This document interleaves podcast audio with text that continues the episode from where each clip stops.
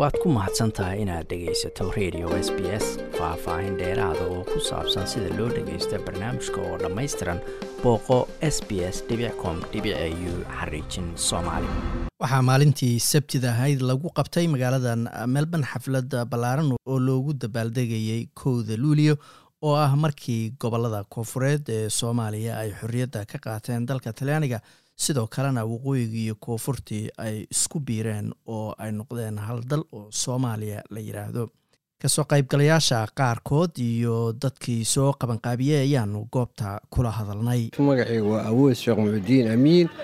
Waxaan ka mid ahay odayaasha jaaliyadda soomaaliyeed ee gobolka victoria gaar ahaan magaalada melbourne maanta waxaan u dabaaldegaynaa kowda luuliyo oo ah maalintii soomaaliya xorriyadda ay qaadatay islamarkaasna ay midoobeen somalilan waa maalin macnaa aadna ugu weyn oo sharaf leh oo runtii oo habboon in loo dabaaldego meel kastoo ay soomaaliya joogto.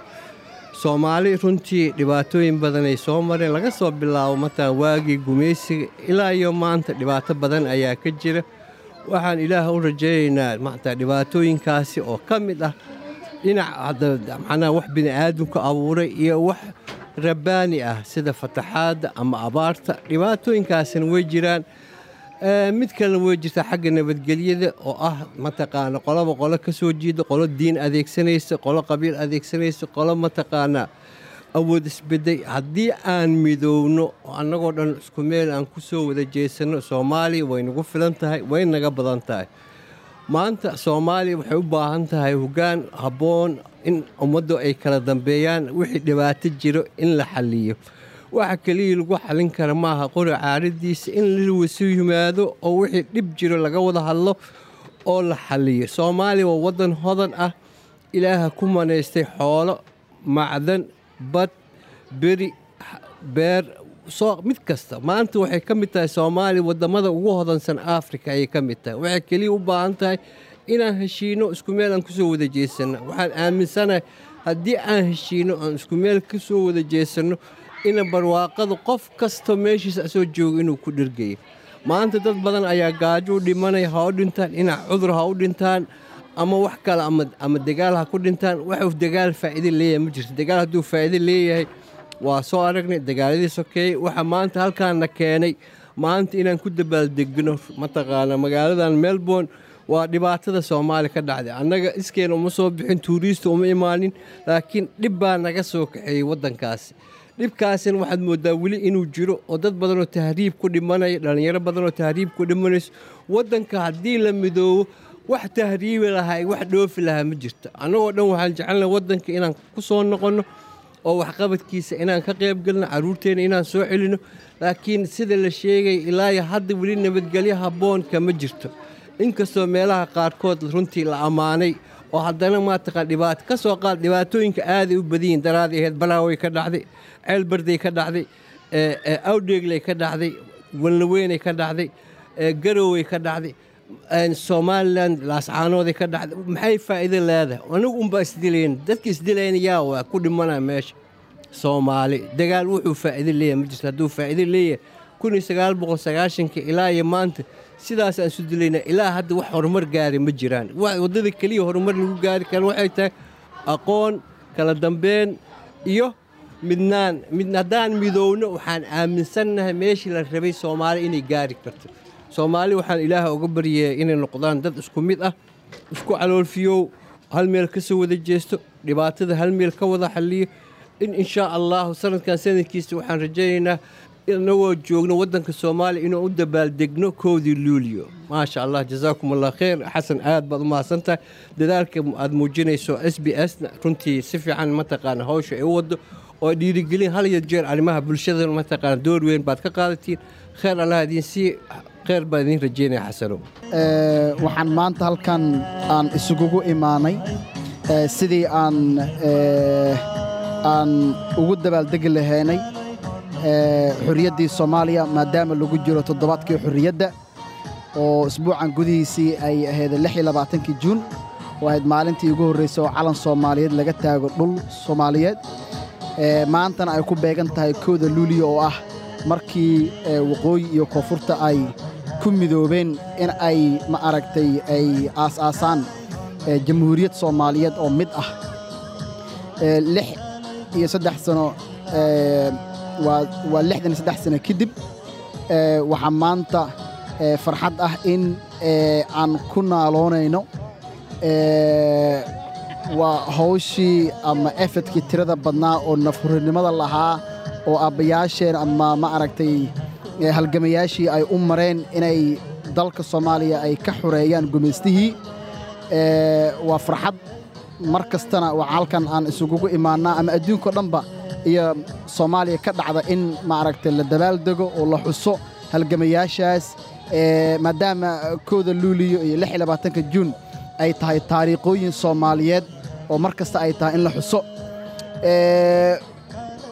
laakiin nasiib darro maanta waan waan aragnaa ma aragta halka aan marayno marka la fiiriyo sannadihii aan xurta ahaynay oo dawlad ah inoo aas-aasneed iyo ma aragtay burburkii kadib waxaa runtii badan sannadaha aan burburka ku jirno.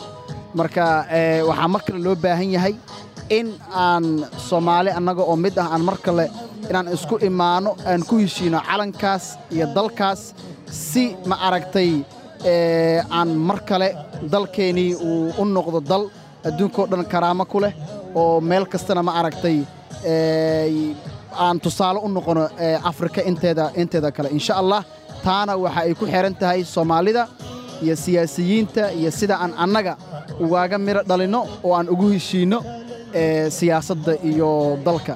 Magacaygu waa ibraahim cabdullaahi cali anigu waxaan u ahay waxaan hoggaaminayay qaybta volonteeriska ah oo maanta abaabulayay kowda luulio in lagu qabto magaalada melbourne victoria gobolka victoria ee waddanka australia. Marka ka soomaali ahaan kolley maalinta waa maalin weyn. Waa maalin mudan runtii inaan xusno oo hiddaheenna iyo dhaqankeenna iyo taariikhdeenna baan ku faanno.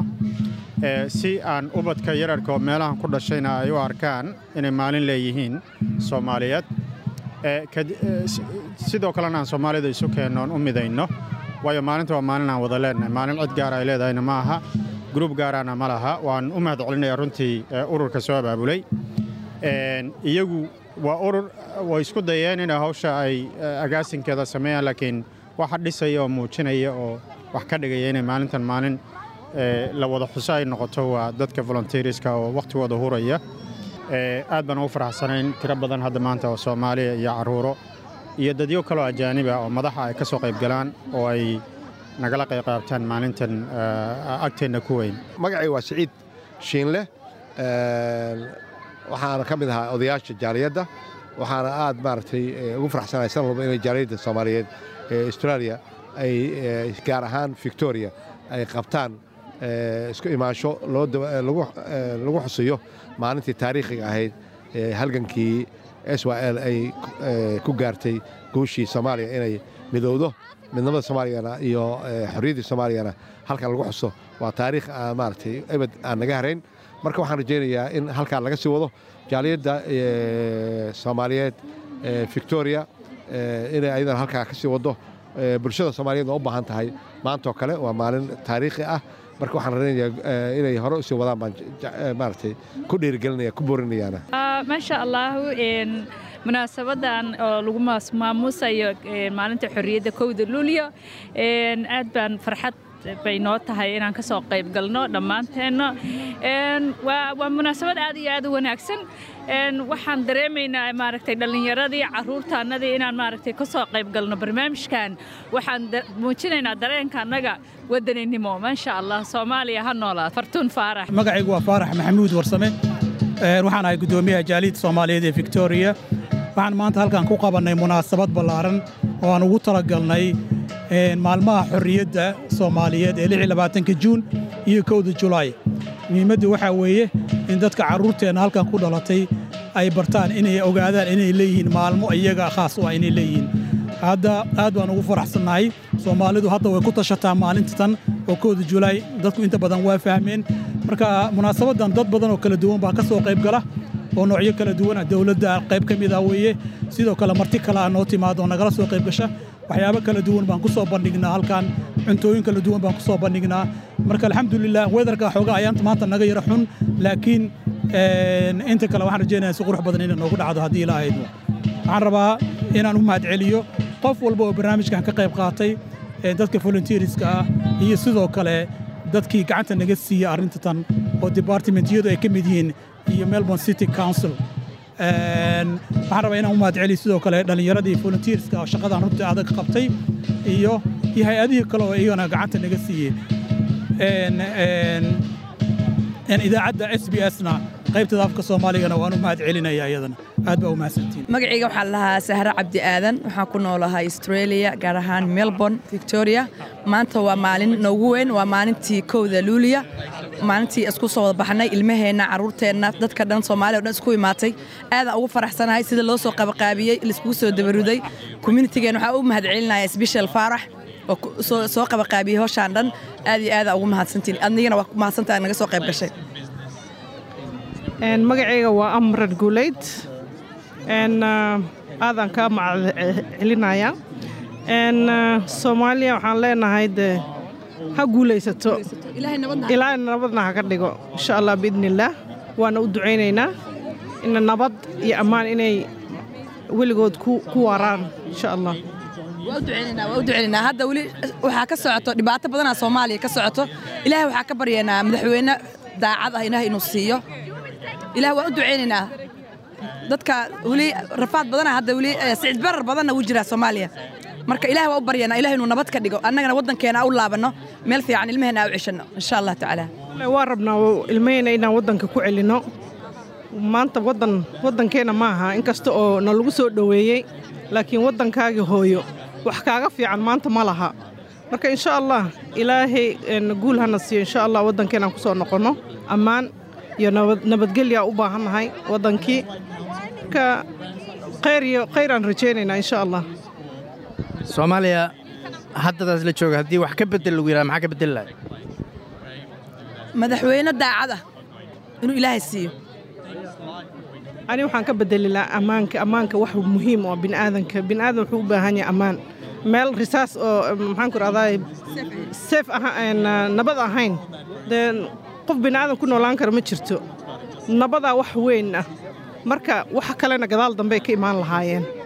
Gadaal dambea ka dhisi lahaa. Horta nabadaa namba wan igu ahaan lahaa.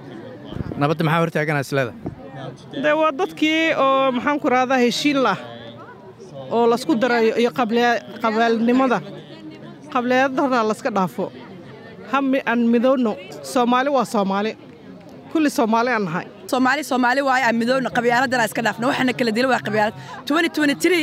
waxaa u malaysaa qabyaaladda inay ka sii darteebo dadka la sii kala fogaaday marka ilaah ha lasku keenkeeno ilaah qabyaaladana maskaxdeena ha ka bixiyo hal soomaali aan noqonno oo hal calankaas naga dhexeeyo.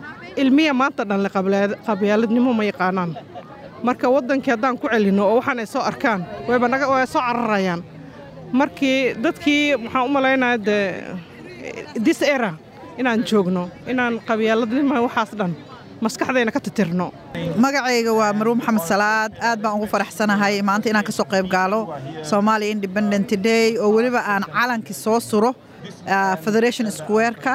Meeshaas oo uu ilaa berri surnaan karo qofkii raba uu soo arki karaa alxamdulilah waxaan soomaalida ilaahay oga baryayaa inuu ilaahay isu keeno oo qalbigooda isu furo oo ay noqdaan dad united ah oo wan ah.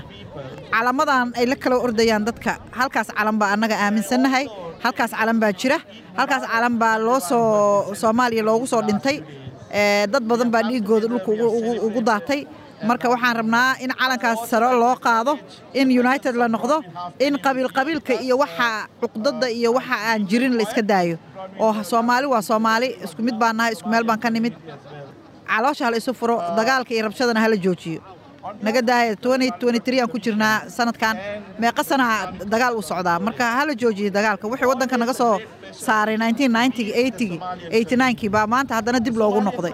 Marka waxaan ilaahay ka baryayaa inuu dadka qalbigooda isu furo. Waxaan joognaa kowdii luuliyo baan joognaa maanta aan imid allaahu akbar. Anigoo safar baan anugu ahay reer maraykan baan ahay.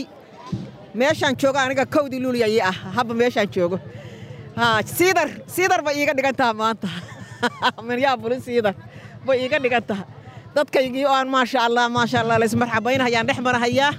Aad bay u mahadsan yihiin aad bay u mahadsan yihiin maasha allah tabaaraka allah carruurtii waayeelkii booliskii oo soomaali ah. Maasha allah communitigii oo aan macnaha maasha allah ah maasha allah ah nooc walba u dhigan.